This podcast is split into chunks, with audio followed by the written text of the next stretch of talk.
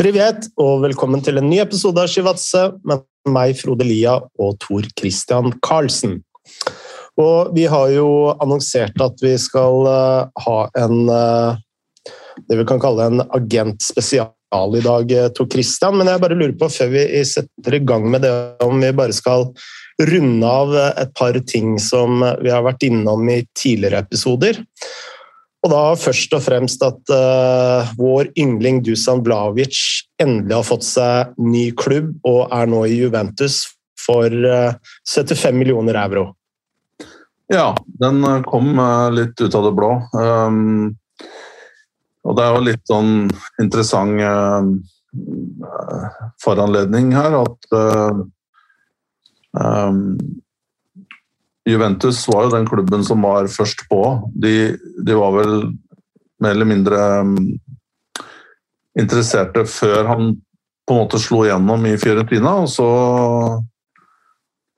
og så um, har han bare blitt bedre og bedre. Og under den tiden så har det også vært spekulert i om at kanskje han har blitt for dyr for Juventus, og at andre har hatt større sjanse til å til å signere han. Og jeg, jeg skrev en kommentar eh, i, for ISBN e forrige uke som på en måte backa opp under de argumentene der. Og jeg trodde han nå var på sånn Barcelona, Manchester City, Real Madrid um, typ. Manchester United.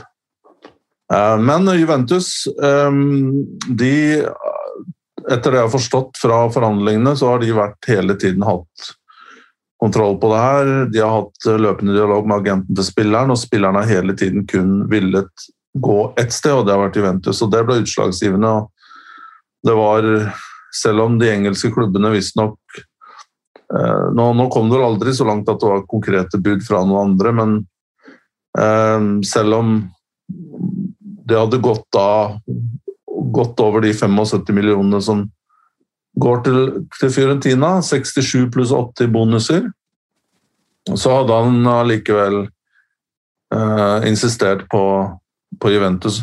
Han hadde jo mye av framtiden i sine egne hender fordi han var på vei ut av kontrakt da, sommeren 2022. Så han mm. kunne styre mye av dette selv. Men eh, det er jo litt sånn pussig, da. Eh, at det hele tiden har blitt meldt at Juventus har på en måte ikke Spesielt etter det med Superliga greia der i fjor vår, at de ikke har lenger kapasitet til å krige om de største spillerne. Og så kommer de bare fra I hvert fall ikke fra intet, da, for de har jo vært i, bak kulissene her hele tiden. Men så kaprer de da kanskje den spissen, nest mest attraktive spissen i verden, eller tredje, da, bak Mbappe og, og, og vår egen uh, Braut. Mm. Hva tror du er uh, foranledningen for at han velger å gå i dette vinduet her, og ikke venter til uh, sommeren? Um, nei, det Det tror jeg er litt kombinasjon av at um, at det forholdet Han har jo prestert veldig bra hele høst, men det har jo vært sånn tidspunkter der altså etter han det var vel I oktober så skrev han jo en statement um, offentlig at han ikke kom til å forlenge kontrakten med, med Fiorentina. Mm. Fordi klubben pusha han jo hele tiden, ikke sant. Eh, og det forverra litt av forholdet, forholdet hans og, og, standingen der i Firenze. Jeg ble ikke tatt uh, godt imot. Uh, og i tillegg så var det litt sånn ja, Selv om han har skåret og spilt veldig bra, så har det vært litt sånn rare ting på banen. Hadde en situasjon der i en kamp hvor han nekta å ta straffespark. Han ga det over til en medspiller da. Uh, fordi han ikke følte mentalt uh, klar til å ta det straffesparket. Så, det var mange sånne Mye sånn småtteri, da. Um, og, og, og, Så det forholdet til Fiorentina var ikke lenger så veldig bra. Nå er han ikke helt klar ennå, nå som vi spiller inn her, men det er litt pga. covid og sånne ting. så men han regnes jo Han skal komme da til Torino på fredag og starte med medisinske undersøkelser som som gjerne tar et par dager i Italia. Da. Så, men uh, de skal i hvert fall klare å få dette her over uh, streken før uh, deadline på mandag. Mm. Nei, veldig spennende overgang, og blir utrolig spennende å, å se hvordan han klarer seg i Juventus. Nå kommer han jo til å spille i samme liga, så det er vel ikke det store spranget for, for han Eh, selv om han bare bytter klubb? Nei. Og det var en av grunnene til at han også valgte Juventus. At han, han har på en måte hacka italiensk fotball, Serie A. Han, passer, altså han har funnet at spillestilen hans passer veldig godt der, og han liker, liker måten de jobber på der. Og, mm. og, så det var vel ingen Eh, det var aldri noen diskusjon om at han skulle noe annet sted. Um, så her har jo Juventus jobba veldig godt, da, må man jo si, eh, bak kulissene. Um, og så, så, så, er jeg faktisk litt spent på La oss si om tre-fire år, da. Uh, om Juventus var den klubben som fikk den til slutt beste spilleren. Han er jevnårig med med Haaland. Eh, og, eh, og, og, er venstrebent og har mye av de samme egenskapene. Så, så er ja, spørsmålet hvem, hvem er det som tar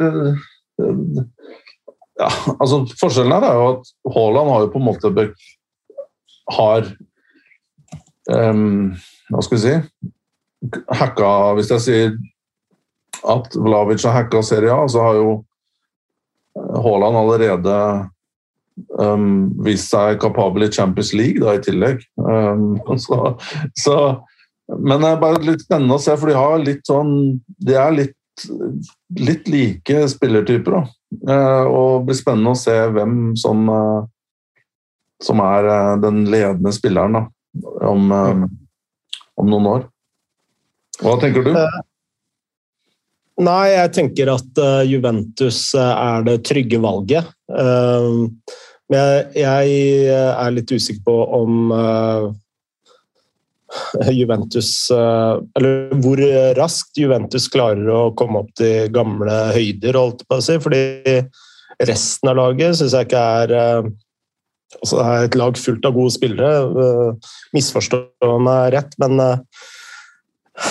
Altså det, ja, når jeg ser Juventus, da, eh, f.eks. nå mot Milan, så føler jeg de mangler de store uh, Ikke lederne, fordi de har jo Cellini og, sånt, men det, altså du, du, har for mye spillere som uh, ikke går i krigen på en eller annen måte, da, som har vært sånn, sånn kjennemerket til Juventus.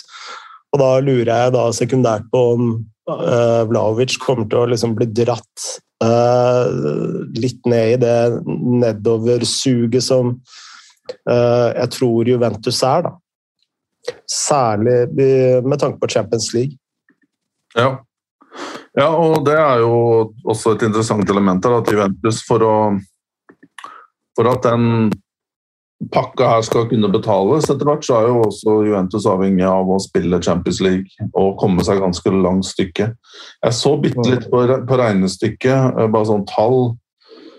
Um, og det er jo veldig veldig vanskelig å forstå hvordan, hvordan ting uh, Hvordan de finner penger og, og regnskapene og sånt til til Juventus. Um, for det er jo et underskudd der jeg tror jeg på nærmere 200 millioner euro i fjor. Uh, nei, eh, den, altså fjorårssesongen. Jeg tror i år så er det noe lignende. Og så har de jo fått frigjort en del midler pga. Cristiano uh, gikk, da. Men jeg, er helt enig med deg at, at det laget trenger mer enn trenger mer enn nier, selv om faktisk mot Milan så syns jeg at jeg syns Morata var en av de dårligste på banen. Uh, og ikke bare at han ikke er en trussel, men han er jo svak rettvendt og klarer ikke å holde på ballen. og Du får ikke bygd noe spill med han som en slags, um, som en slags uh, oppspillspunkt. Uh, nå er jo Kiesa ute, og han er jo ikke tilbake før Ja, neste høst. Um, det er jo Men, jeg, men også midtbanen der er litt sånn Jeg syns det er mye, som du er inne på, mye kvantitet av mange, mange spillere på litt sånn samme nivå, uten at de har de store enerne, som der Locatelli begynner å kanskje vise seg fram litt nå, da. Men, um, men jeg er også spent på om de klarer å holde Dybala, da. eller om det at de henta For det, de kan jo de kan jo funke ganske greit sammen i en La oss si 4-2-3-1, 4-4-2. Eh, Dybala som mer vandrende og uh, søkende, og, og Lavic som en nier. Mm. Um, men jeg, jeg, jeg, vet ikke om, om um, det faktum at Lavic kommer nå, at det er implisitt at man ikke da kan tilby Dybala det han, han uh, krever. da. Han er på vei ut av kontrakt. Mm. Eh, en annen eh, sak som vi har hatt eh, snakka litt om her i podkasten, det er jo Odd. Jeg har gjort et intervju med Einar Håndlykken, daglig leder i Odd. Og de skulle jo hente en ny trener og en sportssjef, og nå har de fått begge deler på plass. Morten Rønningen han kommer fra UA og blir nå ny sportssjef. Og Arne Pakko Johansen blir hovedtrener. Pål Arne, ja. Ja. ja jeg, um, det her skjedde jo fort. Uh, og Håndlykken lovte vel også det på, på den konferansen dere hadde, så at det her skulle um, løse seg ganske kjapt.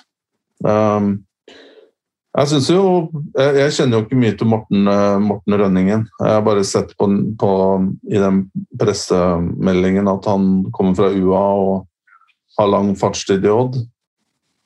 Um, jeg syns det er litt spesielt at man da går på en måte høyt ut først og uh, hva, skal jeg, hva, skal jeg, si At man uh, Ja, at man opphøyer den sportssjefrollen til noe veldig viktig, og at man har fått masse eh, glimrende søknader og, og kandidater.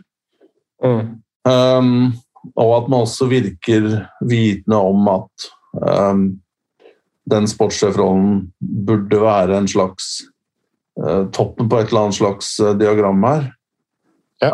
Um, og underveis så, så jeg bare noen kommentarer om at man hadde satt i gang med intervjuer, og at man hadde fått som jeg sier, gode, gode CV-er og innspill.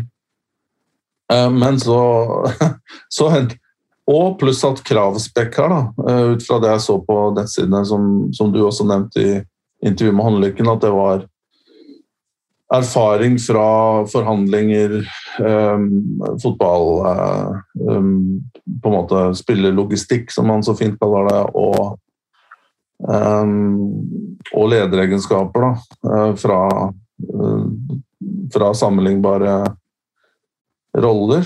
Ja. Men så ender man da opp med en intern løsning. Og det er jo for så vidt kan jo hende det at man plutselig har noen uh, internt som, uh, som uh, har veldig stort potensial, men det er, jo, det, er jo, litt spesielt da, at man går ut med kravspøk og man går ut med ting som er litt sånn spesialist Spesialist Hva skal jeg si Krav, og så ender man med en med helt annen bakgrunn. Det er det første jeg tenkte om, om akkurat eh, Rønningen. Så kan jeg komme tilbake til Paco etterpå.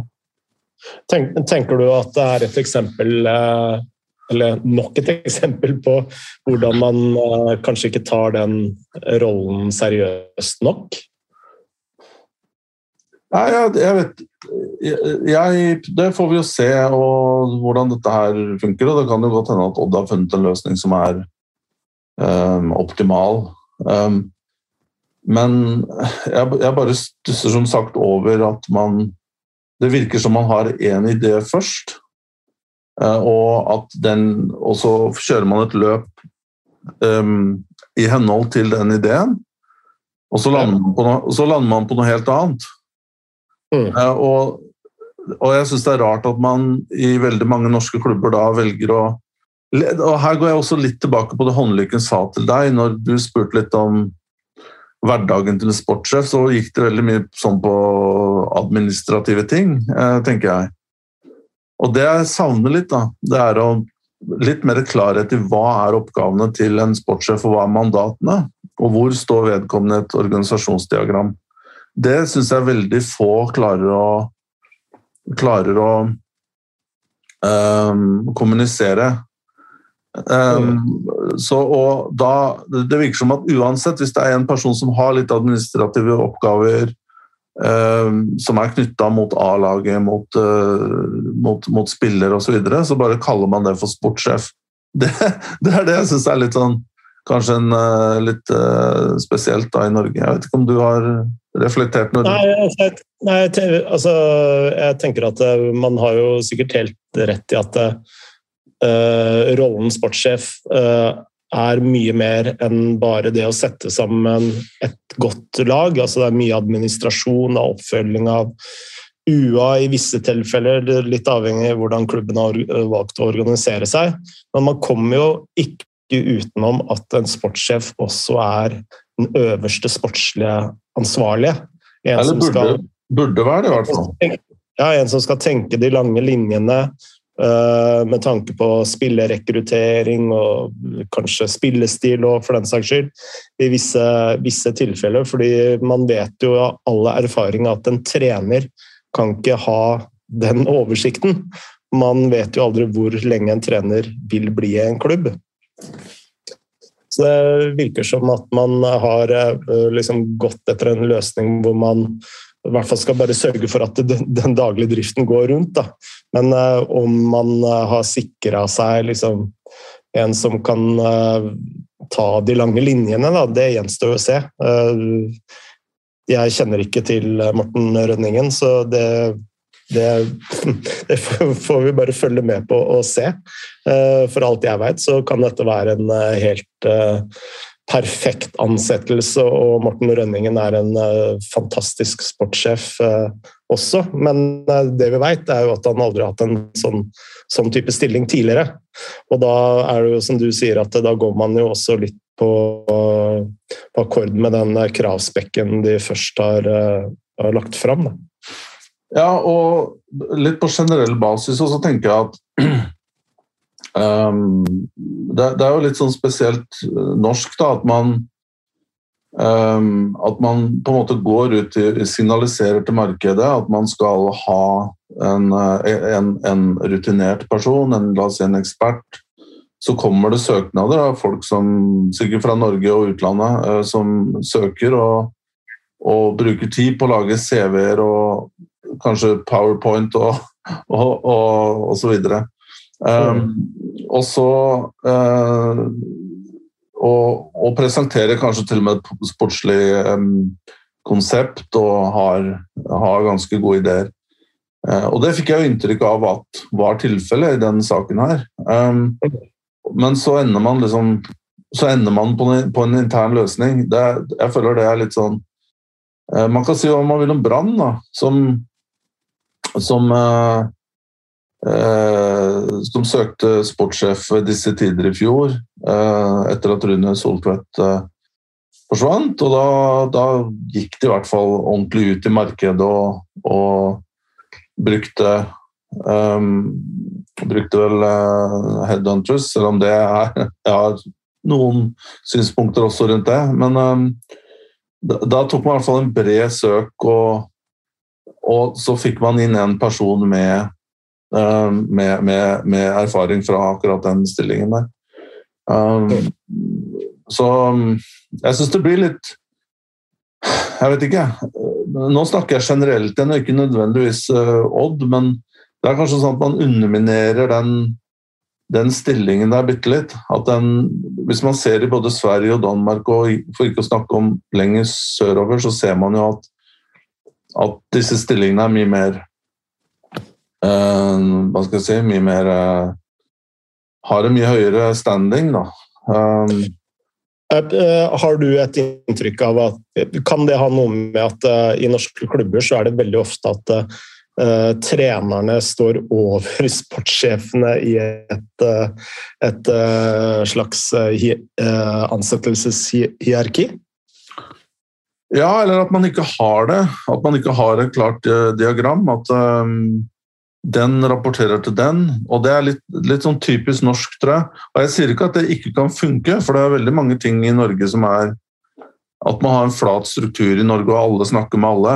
Um, det, det, og det funker for nordmenn, ikke sant? Um, tydeligvis. Um, og så er spørsmålet hvor, hvor effektiv og hvor godt uh, drifta er våre organisasjoner. Nå, I Norge så er det jo veldig vanskelig å måle norske bedrifter da, ut fra at vi har, har, det ganske bra i Norge, og det er mye støtteordninger og det ene og andre. Så, um, men at, at jeg, jeg, tror nok at kanskje at noen hadde hatt uh, godt av at det var litt klarere linjer. Um, og at ikke liksom alt bare fløyt, uh, og alle, alle, skal jo selvsagt snakke med alle. Det er jo ikke det jeg mener.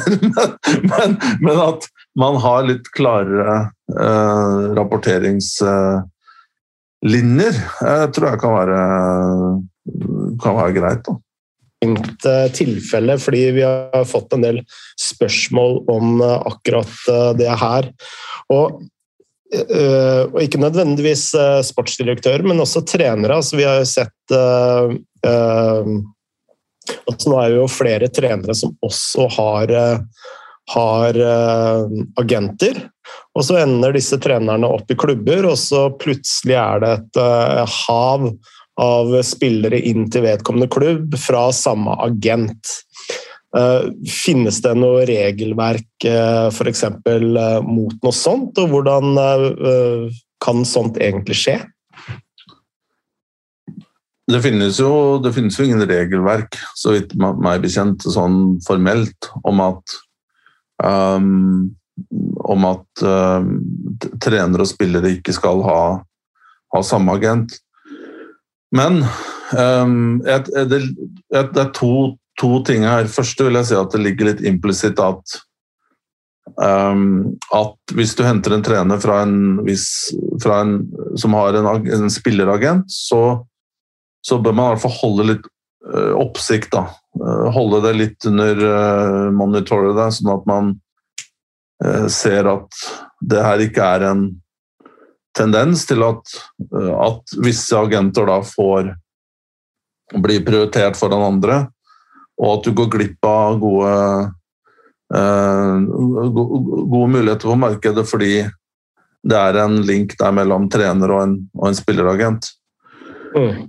Så der tror jeg klubbene har eh, sånn på en måte uformelt eh, en jobb å gjøre. Både styre og daglig leder til å gå inn og aktivt kanskje være litt på vakt der. Det andre er jo for så vidt, som vi snakka litt om i en tidligere episode, at man har litt mer sånn corporate governance, HR, eh, over det. Sånn at det, at det der faktisk eh, på en måte eh, blir At man kanskje har noen slags papirarbeid som kan gjøre at eh, hvert fall man sender et signal da, når denne treneren kommer. og at man da gir en heads up om at ok, vi er klar over at agenten din også representerer en del spillere, og det er vel og bra. at Det kan gi oss fordeler, men vi ønsker her å drive en åpen bedrift eh, som, der alle er velkomne, og, men eh, Så vi er oppmerksom på, på det, dette her. Eh, mm. det, det, som er så litt spesielt da, i, i Norge, det er jo også den derre vi har sett nå et par klubber hvor, hvor, folk har gått fra å være agent til å være sports, sportsdirektør. Det er jo også ganske typisk norsk fenomen. Da. Hvor, mm. uh, og jeg sier ikke at noen har misbrukt uh, den rollen, men uh, det er i hvert fall store Man kan trå feil veldig fort der. Da. Og jeg tror ikke det er sunt, fordi man, jeg, jeg, tror det er greit å være litt sånn fri fra sånne type eh, konstellasjoner da, når man går inn i en jobb, eh, og ikke måtte enten ignorere det selskapet du jobba for, fordi du, du, er så klar på å bevise at den forbindelsen er brutt. Mm. Eh, eller at du eh, Eller at du da blir for, for, på en måte Du føler deg mistenkeliggjort når du faktisk gjør en deal med det selskapet, som er en oppriktig god handel og er eh, sånn den skal være. Og så det blir ikke riktig for meg. Jeg, jeg, jeg syns det er uheldig. Og Det tredje poenget her, det er jo nettopp pga. det spørsmålet der, det er, eller den eh, sammenrøra, som man ofte sier på norsk, eh, så har jo mange agenter eh, i er Spesielt i Tyskland og Frankrike så er jo agenter som nå spesialiserer seg kun på trenere. Um, spesielt store tyske trenere. Jeg tror både Klopp og Tuchel og, og, flere andre har agent som ikke representerer spillere, men som bare representerer trenere. Det tror jeg er en mye bedre løsning. Mm. Uh, vi har jo snakka om uh, Kia Jorabashin uh, tidligere. Og visstnok så leder han an jakten på ny manager i Everton. Han eh, representerer vel både Vitor Pareira og Fabio Canovaro, som eh, begge er linka til Everton.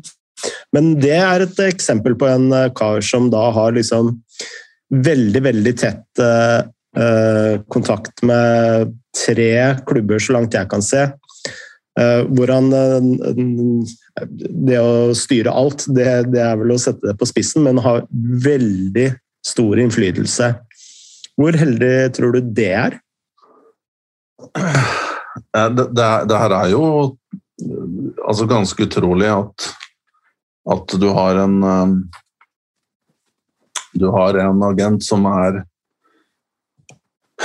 beviselig uh, har veldig gode forbindelser med Arsenal, har gjort um, Representerer spillere der. Har tette forbindelser med sportsdirektør der, blir det, det hevda. Det blir også hevda at Kia Jorobsjan skal sies nekter, avviser dette her, men det hevdes også at han har sterke forbindelser med Reading. Det er jo ikke på en måte så graverende. Reading ligger jo godt stykke ned på tabellen i championship, så det er jo ikke interessekonflikt med noen av, av de klubbene der. Um, og så da Everton. Um, jeg tror noe av eh, vi, vi, må på en måte tracke ganske langt litt tilbake her, og så må vi se på litt andre ting. Eh, og gå i litt andre mm, løyper her for å finne fram til hvorfor det har blitt på den måten der. Mm. Og, i, og i fleste av disse tilfellene, spesielt da fra etter Abramovic og videre, la oss si de siste 20 årene engelsk fotball, så har det kommet veldig mange utenlandske eiere Um, og disse utenlandske eierne de har, um, de har da blitt introdusert for klubbene av forskjellige mennesker. Og i mange tilfeller så er dette agenter som har introdusert eierne. Og jeg tror um, og, du, og, og, igjen, i flere av disse tilfellene så er det kinesiske eiere. I tilfellet her med Everton så er det, så er det en britisk-iransk uh, eier. Mm. Uh, og du har hatt russiske eiere, og du har hatt um, eiere fra, fra kulturer der det med personlige relations, uh, personlige uh, forbindelser er veldig viktig. Ja. Så den personen som ofte har introdusert deg til å ta over klubben, til kjøpet, transaksjonen, prosessen rundt det, blir gjerne med deg videre. Eh, og da blir agenten Hvis det er agenten som har vært mellommann i kjøpet av klubben, så blir agenten på en måte en slags husagent, om du vil. Samtidig som også i disse tilfellene mange av agentene har personlig tett bånd til eierne. Så de opererer ikke bare som en agent på en måte som flyter rundt og er, en, eh, er litt her og der, men de er nesten personlig rådgiver da, til disse eierne. Og de har veldig De stoler mer på agenten enn kanskje i mange tilfeller på, på de som har en lønn da, fra klubben. Jeg skulle nesten uh, til å si det uh, som en slags sånn ekstern sportsdirektør. Ja, det var godt uh, Veldig godt forklart. og det som skjer da, det er at i mange tilfeller så må alle beslutningene gjennom denne rådgiveren. ikke sant? Gjennom, mm. som egentlig skal være en tredjepart, en outsider.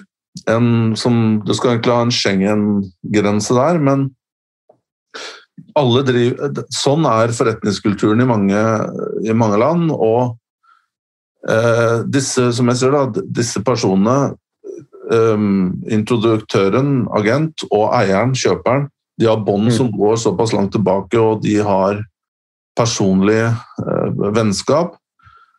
Og den tilliten der, den er så sterk at den trumfer eh, alt annet.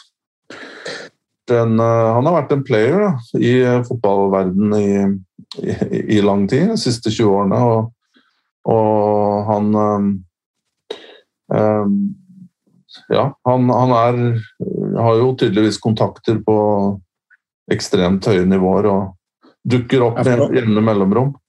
vi, nevnte, ja. vi nevnte det kanskje ikke, men eh, det er da Arsenal, Everton og Newcastle eh, hvor han har sterk innflytelse. Ja, altså Newcastle er spekulasjon, tror jeg, altså per nå. Og det tror jeg handler om at um, at det er en uh, iransk, britisk-iransk uh, person da, som er høyt oppe i, i Newcastle-eierskapsstrukturen, i hvert fall tett på. Mm. Uh, og Kia Yorabshan har også iranske røtter. Um, så man har lagt én pluss én og fått tre. Det, men jeg, jeg, jeg, ser jo at um, Newcastle har gjort uh, litt uh, business da, i overgangsvinduet. De har, de har um, signert to spillere. Um, det er vel Kieran Trippier og, og, Chris Woods. Og de kommer jo fra et annet agentselskap, Base Soccer. Begge er klienter der. Og Kia Jarabshan, i hvert fall så vidt meg bekjent, har ikke vært involvert i de to overgangene der. Så det, det, det, det er i hvert fall ikke på en måte beviselig at han er så sterkt involvert der. Men, um, men um, det er jo eh, Det som er også interessant her, det er jo på en måte hva Hvordan styrer man det her? Det er jo tross alt vi starta det segmentet her med å på en måte eh, sette fast at Eller slå fast at det er eierne, det er de som det er de som har disse relasjonene. Det er ikke noen litt lenger ned i systemet, eller en chief executive eller en chief scout, eller noen sånne ting.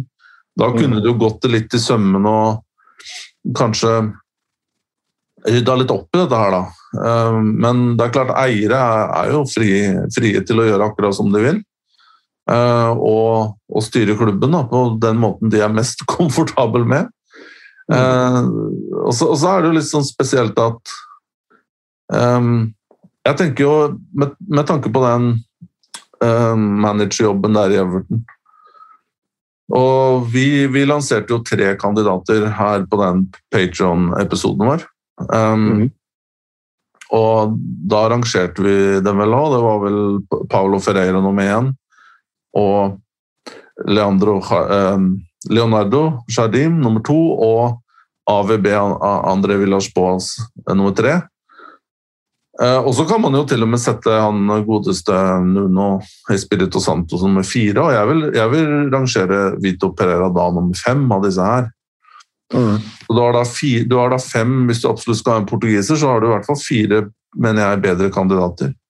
Så det er jo mm. på en måte litt uheldig at, at um, Jeg sier ikke at ok, det kan godt hende at Vito Pereira nå kommer til Everton og, og lykkes. Det er ofte ja. Det er, det, er, det er, ofte ting du, uforklarlige ting som kan gjøre at noen blir en suksess her og der. Men uh, i hvert fall sånn sett ut ifra uh, på en måte en hva skal vi si, en nøytral vurdering da, av disse kandidatene, så vil jo han som fikk sparken i Fenerbahçe for en drøy måned siden, slår meg som den svakeste av de kandidatene her. Mm. Men uh, selv i Norge da, så finnes det klubber som uh, uh, Hva skal vi si Gir enkelte agenter litt sånn eksklusiv tilgang. da. Satt det på spissen. altså Hvis du, du, som spiller skal bytte klubb, så får du nærmest ultimatum at du må bytte agent hvis du skal havne der og der. Hva er liksom egentlig motivasjonen, og hva er det en klubb tjener på å ha det på den måten der? Jeg, ja, jeg, jeg tenker det er noen små fordeler, og det, det, det er at At du får en eksklusivitet. Um, altså La oss si eh, Wolverhampton. Vi kan komme tilbake til Wolverhampton og George Mendes kanskje, eh, kanskje etterpå. Men la oss si at du har um, en eksklusiv forbindelse til en veldig, veldig sterk agent. Så er det klart at det kan gi deg visse fordeler. At, at spillere blir loset da, til din klubb istedenfor for konkurrentene. Og Det kan man jo si litt om Uh, F.eks.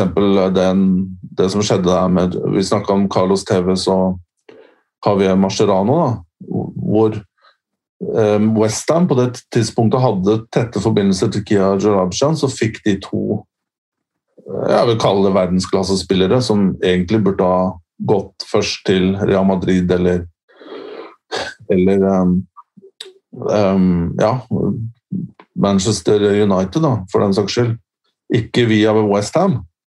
Mm. Det var på en måte ikke et logisk skritt for så fantastisk gode spillere, selv om de var unge og for så vidt ukjente i Europa. Så noen fordeler kan de gi deg. Um, jeg, jeg, jeg, og jeg tenker at um, men, men, men, jeg tror det er litt sånn at det er en mentalitet av noen steder om at vi skal holde dette her innenfor en viss krets. Altså spillerkjøp og salg, det skal på en måte det outsources til en eksklusiv person som har tette bånd til klubben, fordi at pengene skal ikke ut av det systemet. Og jeg sier ikke at noe Jeg insinuerer overhodet ikke noe ulovlig her, men det er en litt sånn tanke om at vi skal ikke legge igjen penger hos folk som ikke er en del av vårt nettverk. Sånn, mm. sånn leser jeg det fra, fra, fra, min side, at det er litt sånn um, Penger skal ikke ut av familien? Ja, det er litt sånn gammeldags klanmentalitet da, noen steder. Um, jeg, jeg, og jeg mener jo samtidig at Og man ser også at uh, i Norge at du har uh, såkalt scout som jobber både for agent og for en klubb. og igjen så er dette liksom Her er det interessekonflikter, da, uh, vil, jeg, vil jeg påstå. Um, og jeg, jeg, tenker jo at dette er jo ikke 1982 lenger. Verden er åpen. Du har liksom mulighet til å se lenger enn en, du, kan liksom, du kan plukke fra, fra hvem som helst, hvor som helst. Det å bygge relasjoner og prøve nye ting. og møte mye nye mennesker som igjen åpner nye dører, det er jo en av mine motivasjoner. i hvert fall til å være en del av fotballen. Det er det som er gøy med det. Få møte mennesker fra hele verden og, og, og lære ting og um, Ja, og prøve å utvikle seg, da. Uh, så for meg så er det en tankegang som er litt sånn hva skal jeg si, provinsiell, om jeg kan bruke det ordet? Altså Når man eh, snakker om eh, agenter, så må man jo også spørre seg det helt grunnleggende spørsmål. Altså hvorfor trenger en spiller en eh, agent, eller en klubb for den saks skyld?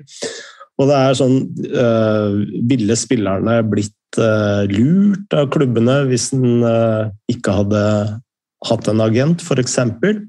Uh, kan man tallfeste det på, på en eller annen måte?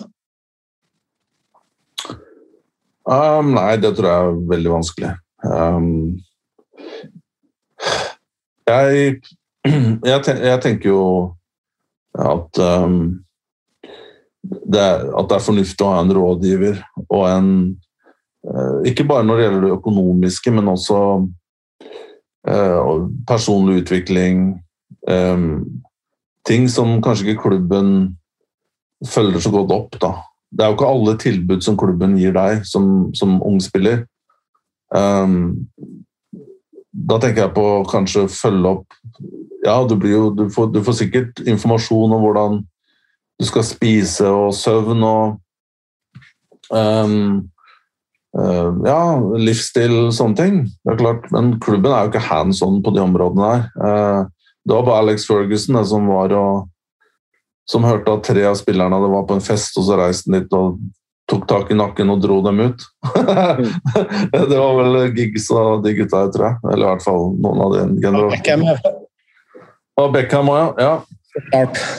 Men eh, det er jo gamle, gamle skolen, da. Men eh, at en agent er en veldig er en rådgiver som har erfaring eh, og, og rutiner til å gi deg gode råd, det er det før vi går til det finansielle.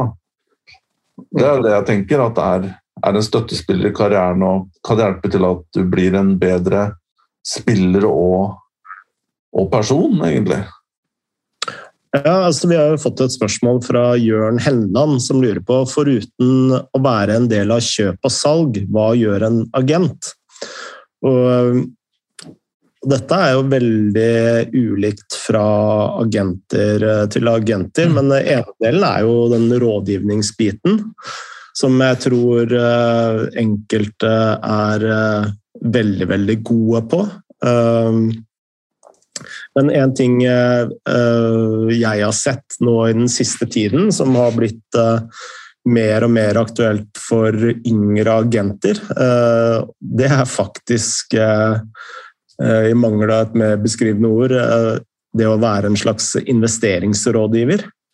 Eh, og da tenker jeg for spillere som da spiller i de største ligaene. Og jeg har fått mye tilbakemeldinger fra folk jeg kjenner i det såkalte WC-miljøet. altså de som driver med startups og venture capital at eh, de nærmest rennes ned av eh, ikke bare fotballspillere, men idrettsutøvere som har gjort mye penger, da, som skal inn og investere pengene sine i eh, startups. Og da, jeg tenker ikke da bare på Norge, men hele Skandinavia og Europa for øvrig. Hvor det er veldig mange idrettsutøvere som som gjennom sin agent da, investerer i startups. Aksel Svindal Lund er jo et av eksemplene på en som har vært tidlig inne i mange selskaper og, og gjort det veldig, veldig bra innenfor startups. Og så er det veldig, veldig mange som taper, taper alt de eier og har.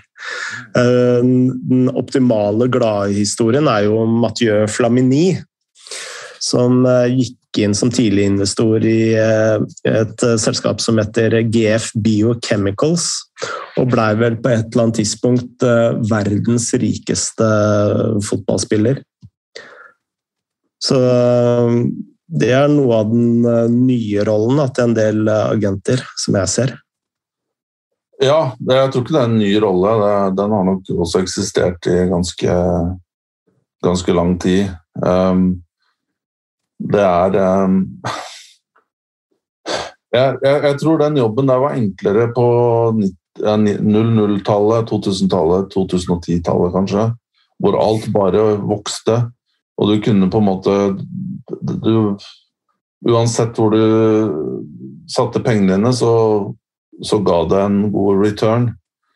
I dag så er det en helt annen, annen greie. Det er jo Hvis noen kan komme til meg og si jeg kan garantere altså Det er jo ingen som kan garantere på en måte altså Du ser jo til og med store forvaltere som, med store navn som liksom går i Porteføljene ligger under indeks.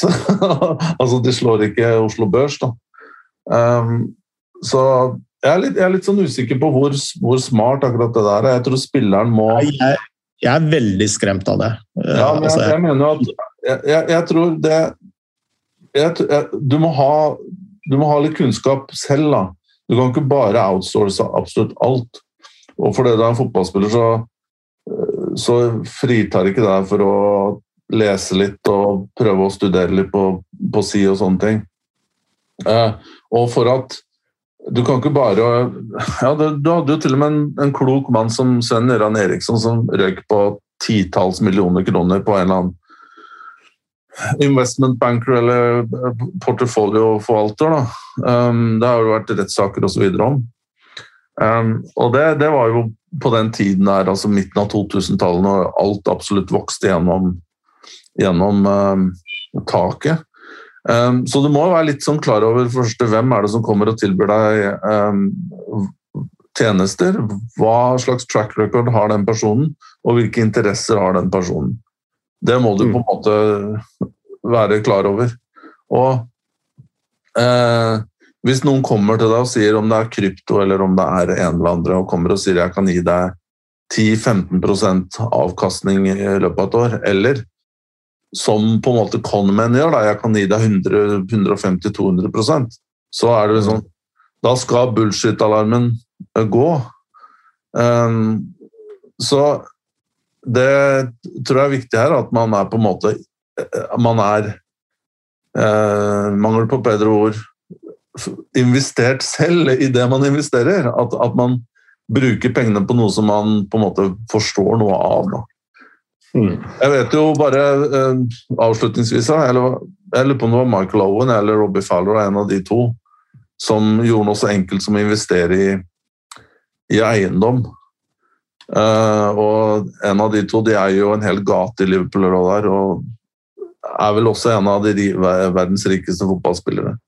Så det er liksom det er, du trenger ikke å investere i krypto eller i, i et eller annet uh, tech-greier som ingen vet hva er. Det, det går an å kjøpe seg en leilighet eller to og leie ut òg. Det kan fort være en bedre investering.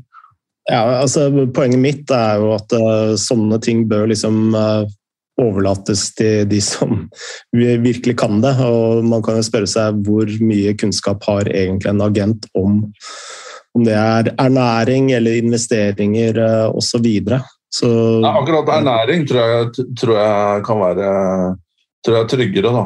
Jeg- tryggere.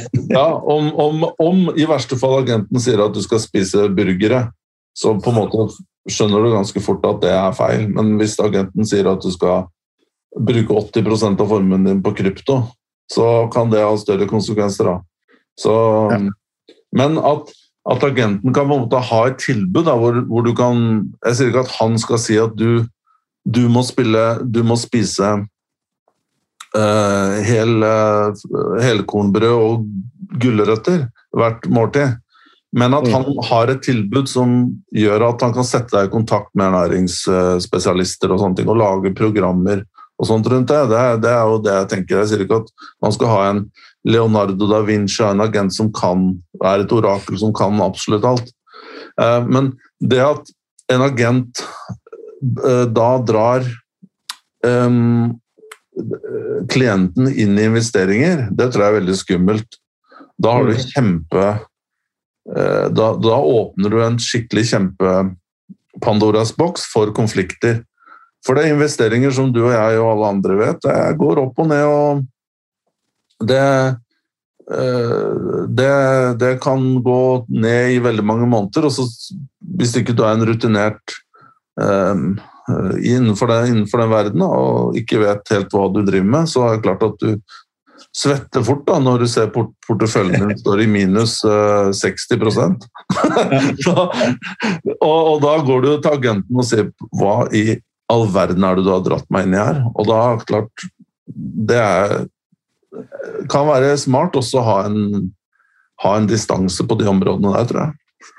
En liten digresjon, men eh, nå som det er litt sånn ruglete i, eh, i markedet, så er så jeg humra godt av alle disse krypto, krypto- og aksjeanbefalerne på Twitter som, eh, eh, som nå blir litt, poka lite grann da, for at de har gått så høyt ut på banen, og de blir så uh, butthurt. Uh, nå som det går litt imot og folk uh, kommenterer det.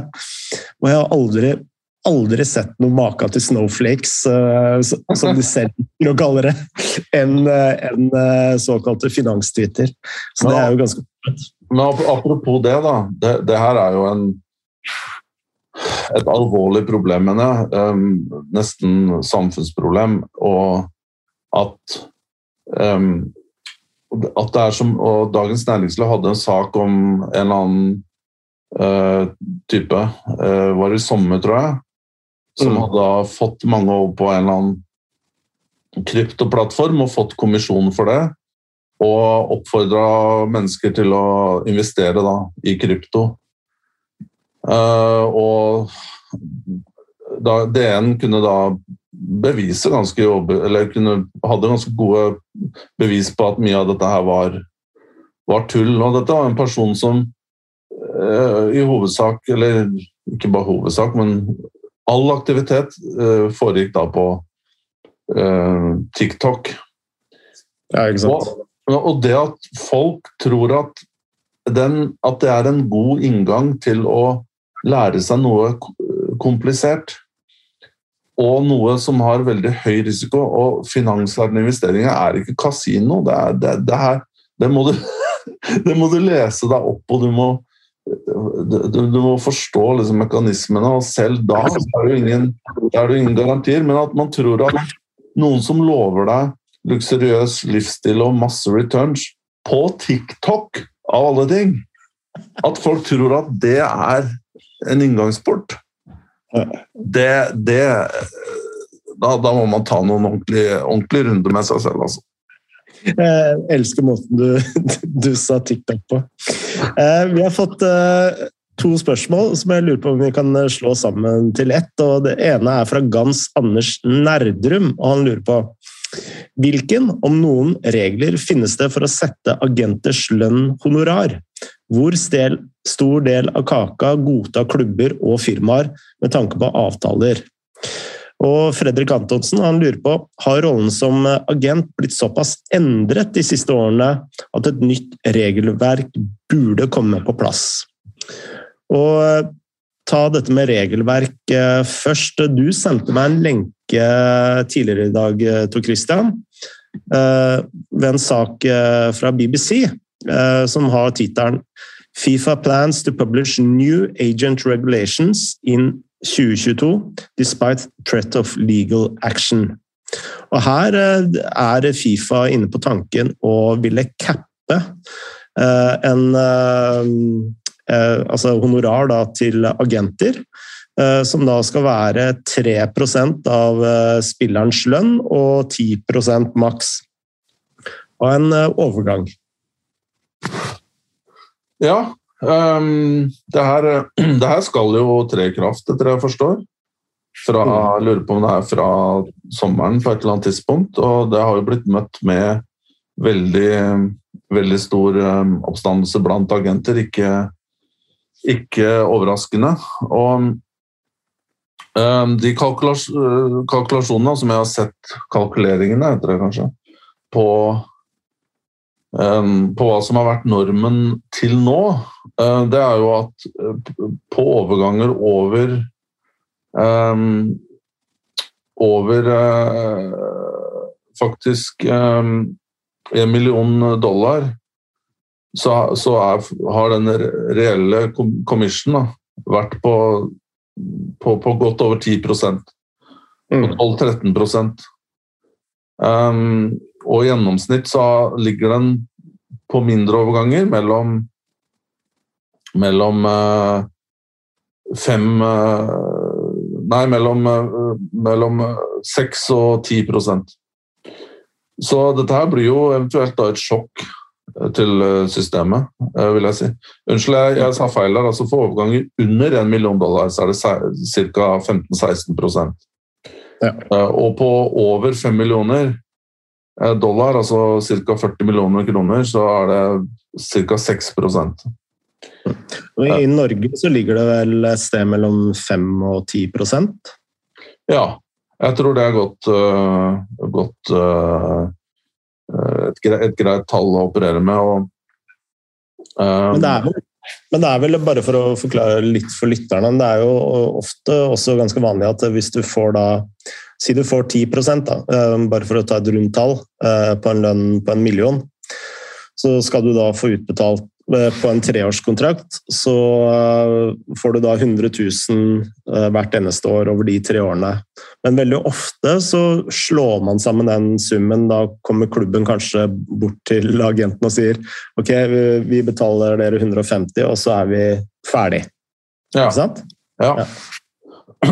ja det, det, skjer um, ganske ofte.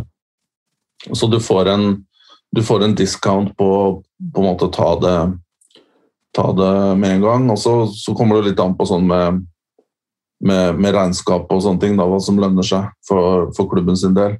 Men det ligger litt sånn Det har, vært en, sånn, det har jo vært en forhandlingsbar bar greie, og det ligger, jo, det ligger jo en del andre aspekter oppi dette her. Da. Det er jo Det er klart um, Noen ganger så er det jo konkurranse med andre klubber om en spiller, og vi må huske på å bare legge det som en um, legge det som en betingelse først. Det er jo din kontakt til spilleren.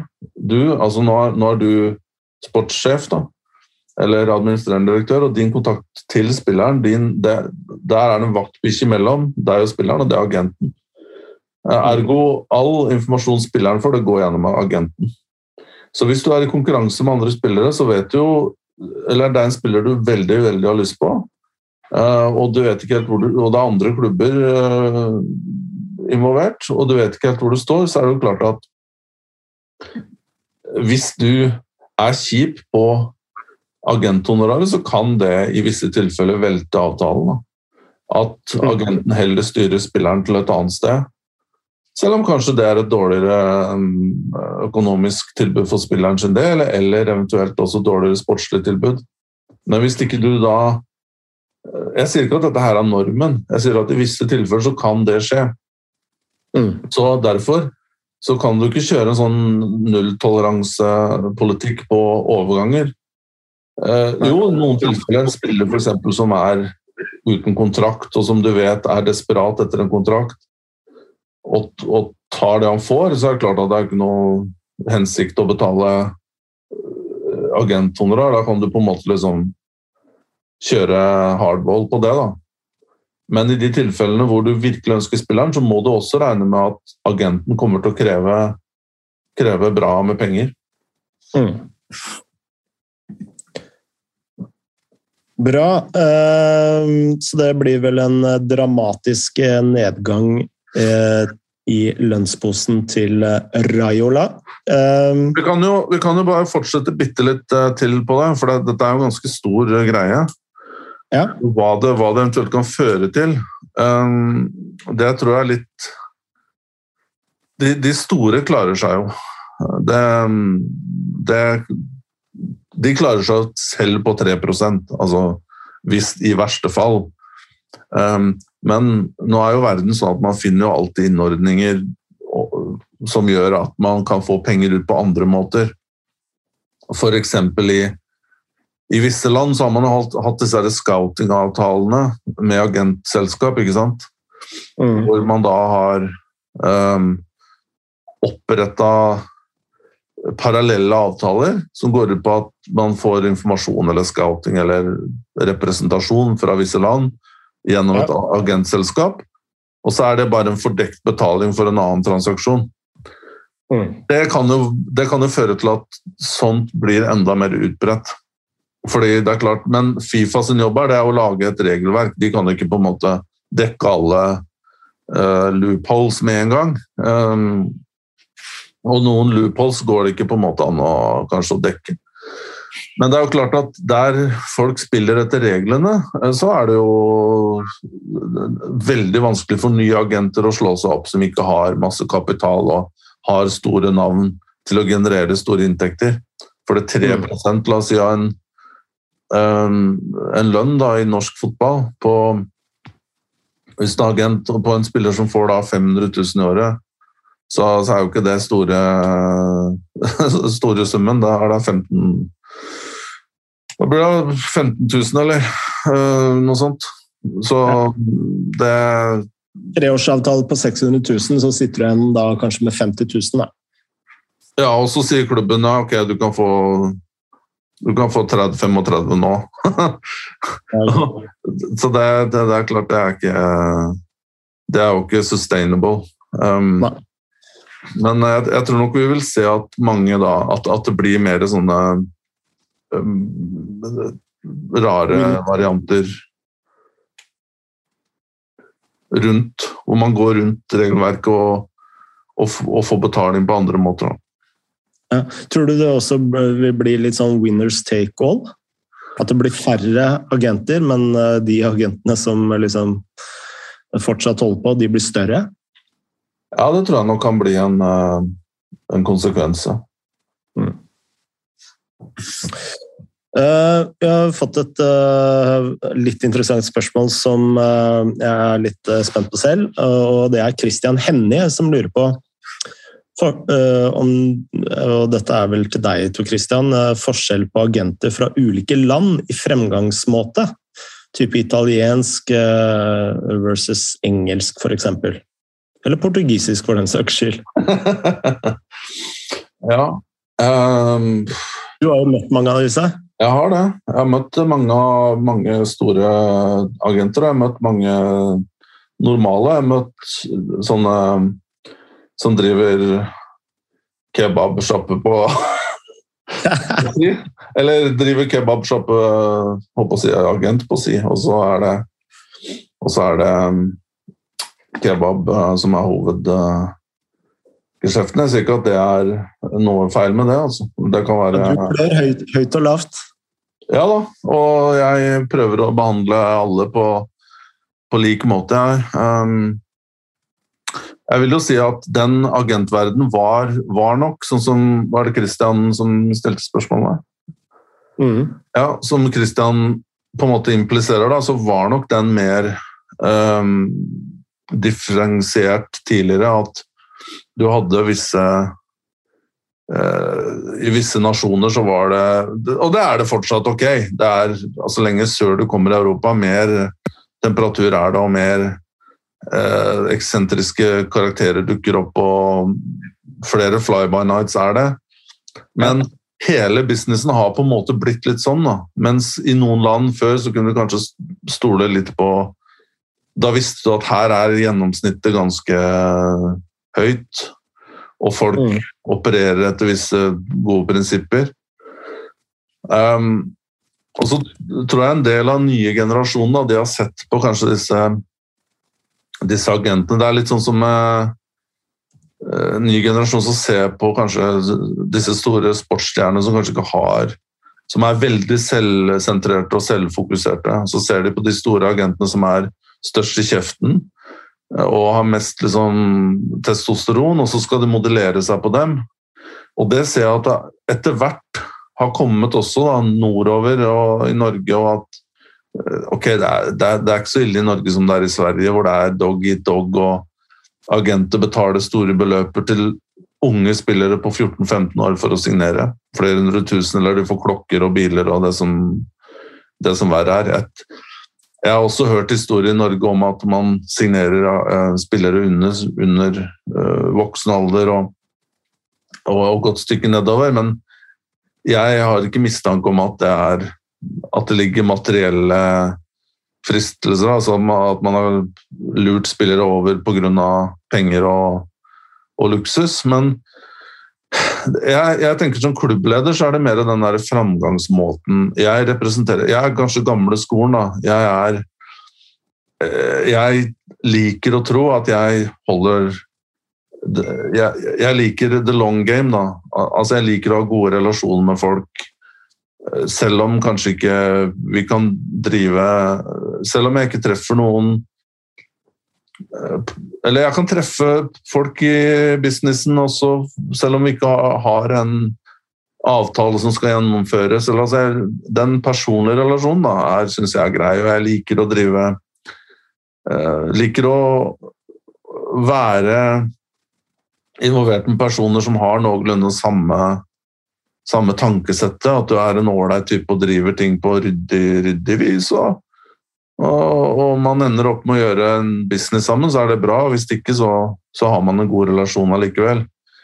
Jeg tror veldig mange har blitt ekstremt transaksjonelle da, i måten de opererer på.